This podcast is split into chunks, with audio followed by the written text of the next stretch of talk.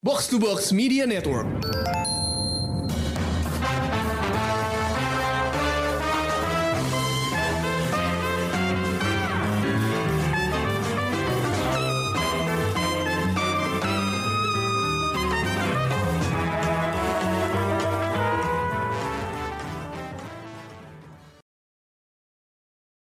Halo semuanya, selamat datang di Showbox Podcast dengan gue Lisa. Dan gue Amy. Kali ini kita bakal ngobrolin film Best Picture Oscars 2021. Ini film Nomadland yang baru aja tayang di Disney Plus. Ini uh, ini menurut gue momen yang seru banget. Maksudnya kita bisa nonton film uh, Oscar yang terbaik di di streaming gitu ya. Karena karena bioskop lagi setengah buka setengah enggak gitu ya. Dan dan ini tuh benar-benar um, apa namanya? Jarang lah momen kita bisa nonton film festival uh, secara legal di online gitu ya kayak maksudnya hmm. selain film-film yang sering tayang di Netflix dan akhirnya dapat nominasi gitu gitu oke okay. um, sebelum kita bahas uh, Nomadland yang jadi Best Picture kita dengerin dulu trailer dari filmnya My dad used to say, what's remembered lives. It's been many years since I started out for let go. I maybe spent too much of my life just remembering. Finding bits and pieces, all worth their reach, I'll carry it on. Oh, he's gonna come right through the glass. Driving down the highway, roll down the window, watch it go. What the nomads are doing is not that different than what the pioneers did. Whatever's in the breeze, keep me company when I roll. One of the things I love most about this life is that there's no final goodbye. Drifting. Let's just say I'll, I'll see you down the road.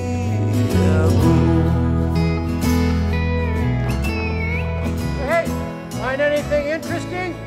Rocks!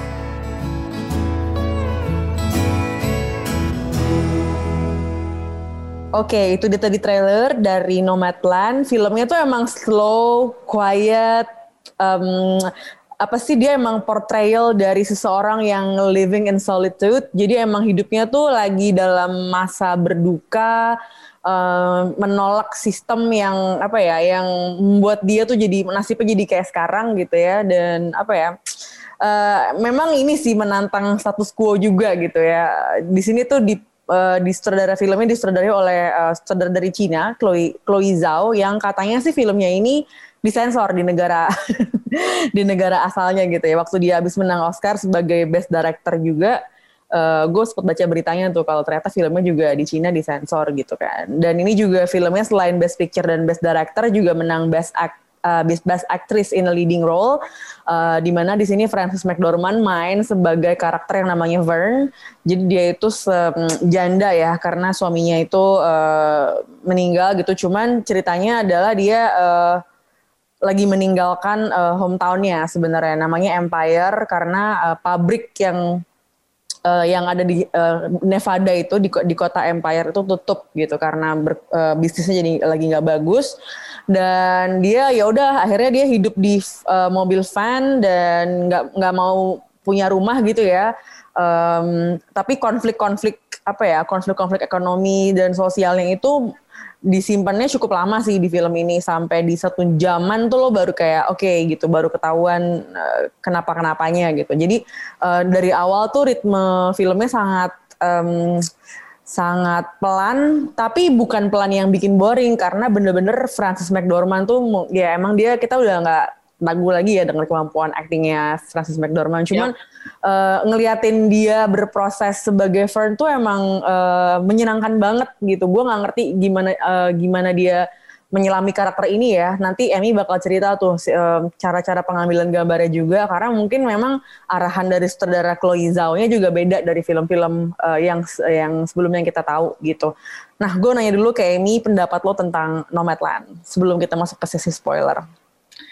Uh, Nomadland itu film yang sebenarnya gue uh, agak nggak pengen nonton awalnya karena hmm. uh, kalau kan waktu Oscar Buzz mulai kenceng gitu kan, ada Nomadland, ada Minari. Gue lebih tertarik sama Minari sebenarnya, hmm. karena hmm. lebih ada ceritanya dan ceritanya juga Asian interest. Jadi of course gue lebih uh, tertarik ke cerita Minari itu gitu kan. Terus hmm. tapi uh, kalau misalnya uh, gue nggak harus nge-review buat uh, podcast ini, kayaknya gue gak bakalan gak bakalan sentuh tuh nometan sampai berapa tahun ke depan gitu. Hmm. Meskipun gue suka sama performancesnya Frances McDormand se hmm. sejak dia muncul di Fargo, gue pertama kali tahu dia kan dia di Fargo gitu kan. Hmm. Gue tuh selalu tertarik ngelihat dia acting karena dia itu aktris yang kalau menurut gue aktingnya tuh bisa natural sesuai sama uh, karakter yang ada di script gitu. Hmm. He really embodies that character gitu. Yeah. Nah hmm. itu tuh uh, yang akhirnya bikin gue terdorong buat nonton adalah Frances McDormand sebenarnya. Hmm. Uh, bukan karena dia menang Oscar, tapi karena dia emang she's just that kind of actress yang beneran bisa bikin gue terpukau. Dan hmm. se sebelum ini kan dia main di Three Billboards in Ebbing, Missouri kan, dan hmm. hmm. Oscar gitu itu karakter itu dep lebih depresi lagi daripada karakter dia di sini. Ya ya benar benar benar.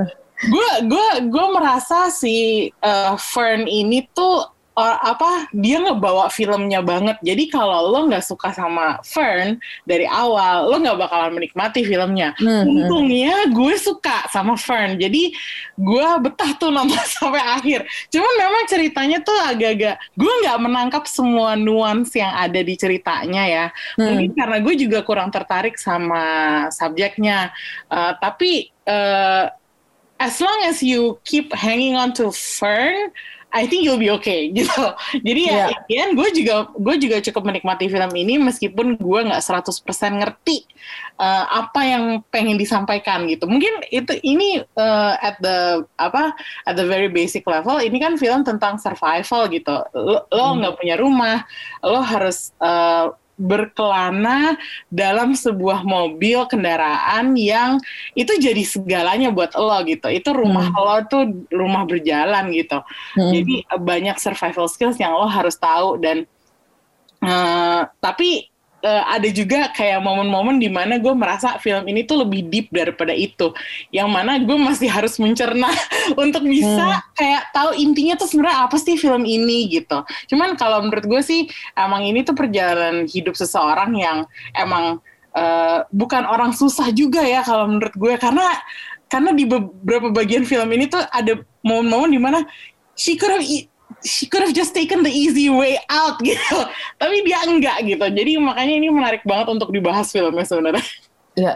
Salah satu kontribusi apa ya, bukan kontribusi sih, cuman maksudnya hal yang paling menarik dari film Nomadland adalah uh, di bagian awal ketika dia ketemu uh, si Fern, ketemu dengan keponakannya gitu ya, terus kayak ditanya gitu, uh, lo homeless ya gitu kan? Kata dia enggak enggak gue enggak bukannya homeless. Uh, gue cuma tidak punya rumah gitu. Houseless. jadi uh, ya houseless gitu. Jadi uh, meng menggambarkan betapa sebenarnya uh, apa ya itu sebenarnya rebel apa ya jiwa pemberontakannya si Fern terhadap uh, segala um, sistem yang ada dalam uh, masyarakat Amerika saat ini gitu. Kayak um, mau punya rumah nggak mau. Gue uh, daripada gue terlibat hutang karena apa ya karena harganya tinggi banget gitu ya sementara ekonomi gue lagi jatuh ya udah mending gue tinggal di fan aja gitu loh hmm. uh, dan itu sebuah keputusan yang uh, yang dia tanggung dengan dengan apa ya dengan sepenuh hati gitu kan dengan segala susah payahnya gitu dia kedinginan susah dapat tempat parkir sampai akhirnya dia menemukan komunitas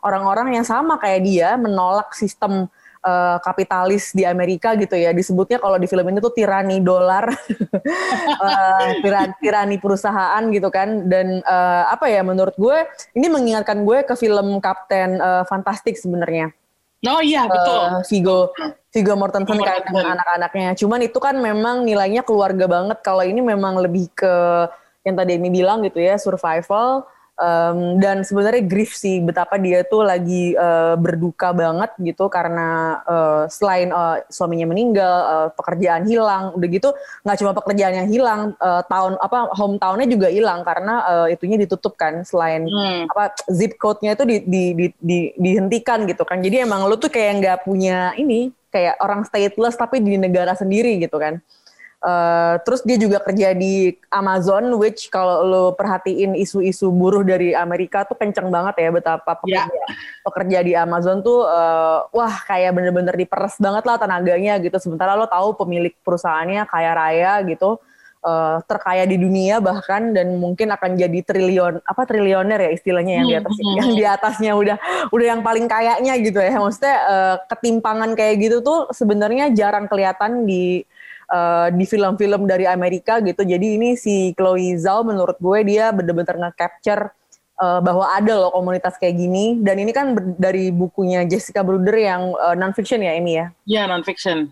Hmm, gitu sih. Jadi uh, memang uh, filmnya bukan film uh, jedak-jeduk yang berisik yang penuh sama action gitu ya uh, emang enakan ditonton. Mungkin at the end of the day ketika lo lagi nggak buru-buru atau apa, karena kalau lagi buru-buru mungkin lo akan ngerasa, aduh nih film kok lama banget sih nggak ya, betul. action apa-apa gitu kan.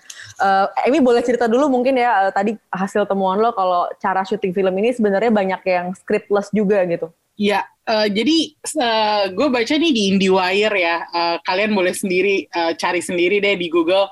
Uh, tapi ini menarik banget kalau buat gue. Hmm. Gue baru tahu bahwa Chloe Zhao itu cara dia menulis adalah mereka datang dulu ke suatu tempat, ketemu sama orang-orang di situ, uh, terus si Chloe Zhao-nya baru kayak dapat inspirasi, terus dia uh, nulis, dan abis itu dia membolehkan orang-orang yang terlibat itu untuk ngomongin topik apa aja yang mereka mau omongin gitu. Jadi hmm. kadang-kadang gue merasa uh, di film ini memang kok gayanya kayak semi dokumenter ya, tapi hmm. ternyata memang itu approach yang diambil sama hmm. Chloe Zhao gitu. Jadi dia tuh nggak nggak apa ya, dia nggak nggak nulis terus dia kasih skrip ke orang-orang di print gitu enggak itu semua natural dan sepertinya Francis McDormand tuh juga apa mengadaptasi akting dia dengan uh, ketemu sama orang-orang yang ada di uh, di dalam perjalanan mereka dan I really think they did actually hmm. uh, do a road trip for this movie mm -hmm. karena setelah dibaca-baca mereka kan pindah-pindah lokasi kan cukup banyak ya dan itu mereka secara kru film mereka emang pergi dari tempat ke tempat gitu jadi it's mm. like they're also um, kayak apa ya mereka experiencing juga the iya, gitu iya ya. betul betul they're experiencing the lifestyle that they depict in this movie gitu jadi mm -hmm. this film is like not uh, bukan kayak semacam promotional um, or marketing tool buat gaya hidup pakai ya, mobil bukan. bukan itu gitu tapi hmm. emang mereka jujur menampilkan apa adanya gitu dan hmm. kalau lo lihat di cast listnya kalau lo ke IMDb atau ke Wikipedia lo akan menyadari bahwa nama uh, aktor dan nama karakter itu sama dan hmm. bahkan Francis McDormand aja, kenapa dia milih nama Fern, itu tuh kayak semacam nickname yang dia ambil buat road name dia gitu. Jadi hmm. ini tuh bener-bener sebuah filmmaking yang kalau menurut gue gak biasa, mungkin gak revolusioner, tapi hmm. very natural. Dan uh, ini ini ini gue juga baru tahu nih setelah baca artikel ini adalah ternyata uh, gaya filmmakingnya Chloe Zhao yang seperti ini itu dikasih approval sama Terrence Malick. Jadi hmm. that's like wow, kayak hmm kalau lo denger nama Chloe Zhao, orang-orang mungkin masih siapa sih gitu. It's not like David Fincher gitu or hmm. someone gitu. Tapi dia udah dikasih approval sama Terrence Malick yang emang gayanya kalau uh, film ya kayak gitu gitu. Dia aja deh. Gitu. Sebenarnya film ini tuh lumayan ngelantur ya, Lis kalau buat yeah, gue ya. Yeah, yeah, yeah, lumayan kayak apa sih? Kayak tiba-tiba sih Francis McDormand bisa ada puisi gitu loh dia kayak yeah, yeah, di yeah, yeah. poem di tengah-tengah. Lo bisa bilang film ini puitis juga sih karena memang sebenarnya itu kayaknya yang di yang yang berusaha dicapai ya sama yeah. jauh juga. Iya betul. Dia ini tuh kayak kalau menurut gue, eh, gue baru ngerti kenapa film ini uh, diunggulkan untuk menang Best Picture karena memang ini sebuah filmmaking yang nggak biasa dan uh, subject matternya tuh juga unexpected, unexpectedly, surprisingly very interesting gitu. Kayak itu yeah. membuka mata lo terhadap suatu dunia yang lo belum pernah tahu sebelumnya gitu. Dan mm. feeling yang gue dapat pada saat gue me menemukan dunia ini adalah sama seperti gue uh, ingat waktu gue nonton Parasite tahun lalu, uh, di mana ada uh, sebuah keluarga lain yang tinggal di rumah itu gitu. Kayak, yeah, yeah. you know, that same surprise feeling yang oh ternyata gitu. Ya ya ya, uh, bener sih ini bukan iklan uh, glossy tentang kehidupan di atas fan yang mungkin lo sering lihat ya kalau di film-film tentang traveler atau apa gitu ya. ya di sini tuh iya. bener-bener yang kayak kalau lo tinggal di van ya lo tidur di situ, lo makan di situ, lo pup di situ, ya lo bayangin aja gitu kan. Belum lagi kalau lo harus punya spare parts, terus kalau lo nggak punya uang, wah itu bener-bener uh, struggle-nya digambarin, tapi bukan dengan cara yang kartunis, tapi sangat ini sih sebenarnya sangat real tanpa harus jadi melodrama gitu. Iya, pun, betul. Pun betul. Uh, uh, pun dengan karakternya Fern gitu ya, dia tuh strong tapi nggak lebay gitu dan uh, lo tahu lo nggak perlu menyelamatkan dia in a way gitu. Dia bukan bukan karakter yang uh, harus diselamatkan atau harus di apa ya harus dikasihani dia uh, gitu. Nggak perlu nggak perlu. Karena dari apa ya dari dari karakternya tuh kelihatan banget dari mukanya yang mukanya Frances McDormand yang susah itu. Uh, there are there are uh, intimate moments ketika dia ketemu orang-orang di komunitasnya gitu kan. Um, dia tuh tiba-tiba uh, lighten up lah mukanya. Bahkan kadang-kadang uh, apa ya kayak terkikik juga gitu kayak anak kecil. Tapi bukannya bertingkah kayak anak kecil ya cuma childlike bukannya childless mm-hmm. gitu. Jadi uh, menurut gue kalau yang main bukan Francis McDormand agak sulit ya lo untuk oh nggak bisa uh, sih kalau menurut gue nggak bisa ngikutin film ini dari awal sampai akhir ya. Karena memang ini skill untuk apa ya stick, uh, stay true to your character di mana dengan proses filming yang yang challenging yang tadi Ani udah bilang menurut gue sulit sih. Dan pada akhirnya adalah film ini uh, memang ngejagoin apa ya ngejelasin betapa pentingnya komunitas apalagi di negara kayak Amerika yang udah sangat individualis uh, ya. dan kapitalis yang sepertinya semuanya udah diomongin di film ini gitu kan. Sampai pada akhirnya ketika Fern ketemu dengan keluarganya gitu ya ada poin gitu kan di uh, di uh, ending-ending filmnya gitu dia ketemu keluarganya dan di situ uh, dia bahkan berdebat gitu. Ketika dia orang-orang ini tuh ya kerjanya ngambil untung lah dari orang lain nyuruh-nyuruh investasi. Ya nggak jauh beda lah dengan yang kita alami sekarang gitu ya. Belum belum punya dana darurat belum punya apa disuruh investasi kayak gitu-gitu kan. Jadi um, memang kalau kalau masyarakat kapitalis kan akan selalu kayak gitu kan kayak uh, men, apa menumpuk kekayaannya gitu ya untuk kepentingan diri sendiri gitu Uh, sementara di komunitas ini tuh dicerita uh, digambarin betapa semua orang tuh berbagi gitu kayak gue mau pergi nih ya udah nih barang gue lo ambil aja gitu atau enggak yeah. Ya. uh, bahkan sekedar berbagi hal-hal kecil kayak korek atau makanan gitu itu membuka uh, botol gitu. ya berkesan yeah. banget sampai ketika mereka ketemu lagi mereka inget gitu oh lo kan yang ngasih gue korek waktu itu. Maksudnya itu kan bond yang nggak pernah bisa lo uh, capai kalau lo hidup di masyarakat yang individual ya. Maksudnya uh, di film ini tuh memang menurut gue dia lagi benar-benar mengkritik sistem uh, kelas sosial di kelas sosial dan ekonomi di di Amerika sih gitu. Hmm. Tapi menariknya juga bahwa si Chloe Zhao tuh nggak bikin film ini jadi politis gitu. Nggak ada tuh ke, apa keluar kata-kata yang menghujat atau mengecam pemerintah hmm. itu nggak ada sebenarnya. Hmm. Hmm. Tapi kita tahu bahwa itu ada semacam kayak kritik tersirat gitu. Makanya menurut gue ini uh, sebuah gaya storytelling yang unik banget karena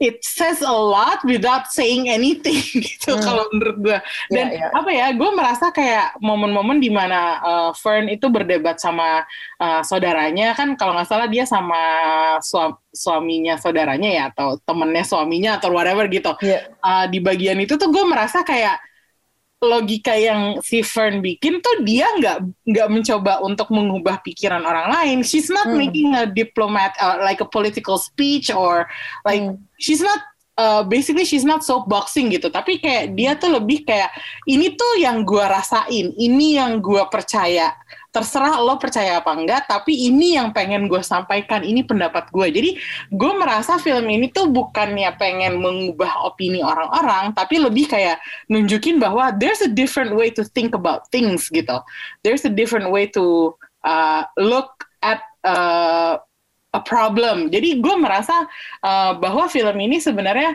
oke, okay, uh, it can really be a bit apa ya?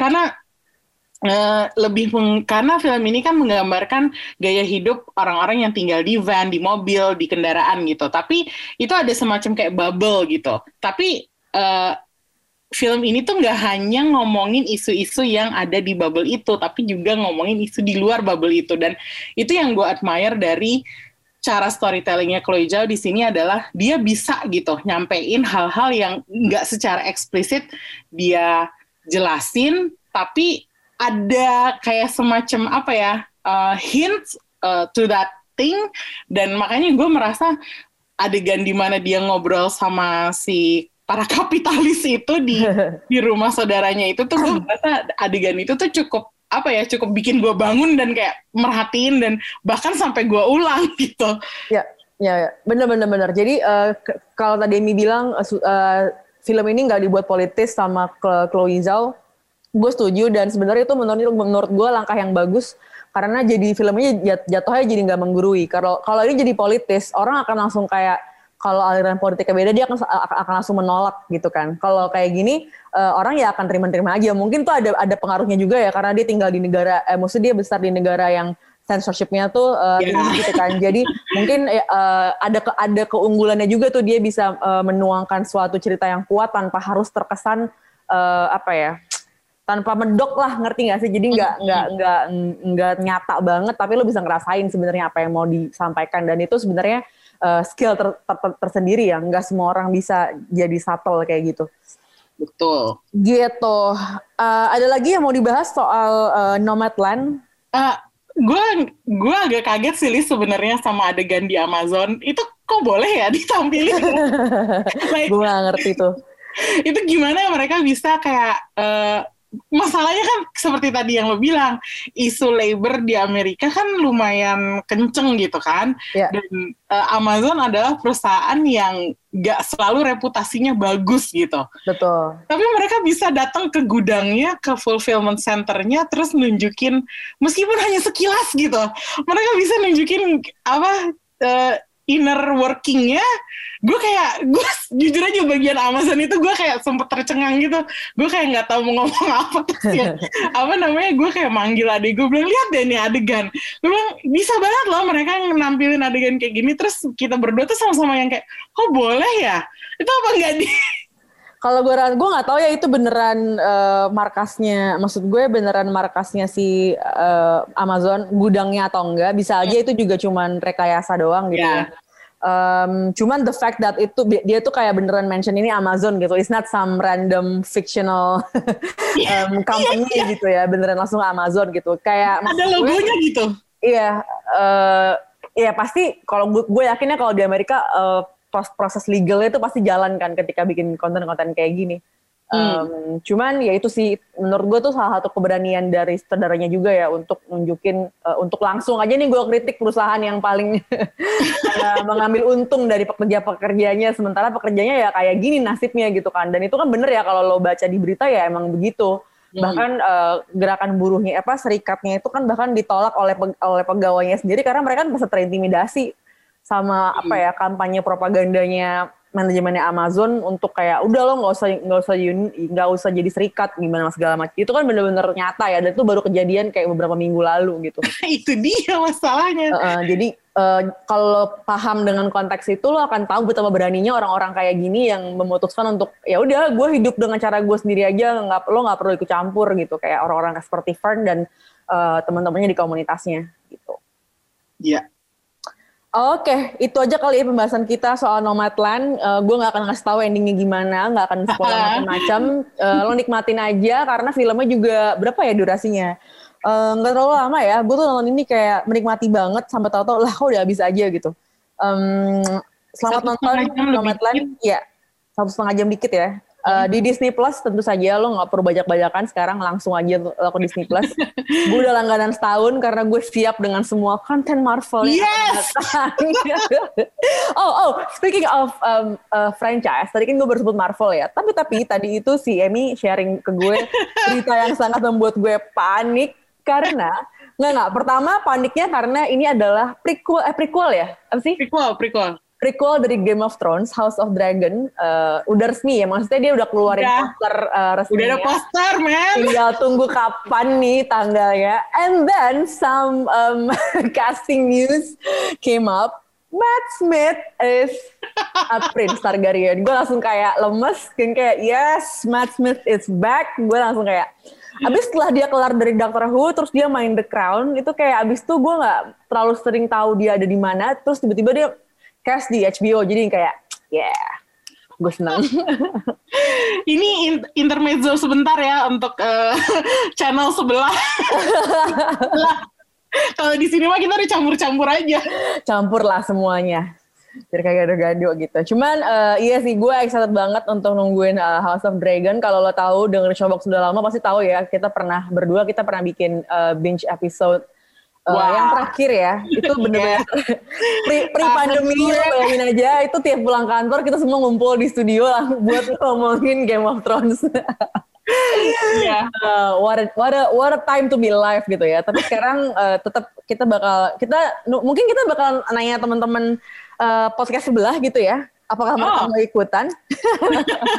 Kalau enggak ya kita berdua aja bahas tuh uh, House of Dragon. Tapi um, itu aja kali ya dari kita kali ini. Ya. Singkat aja, selamat nonton Nomadland, selamat menunggu, selamat menunggu House of Dragon.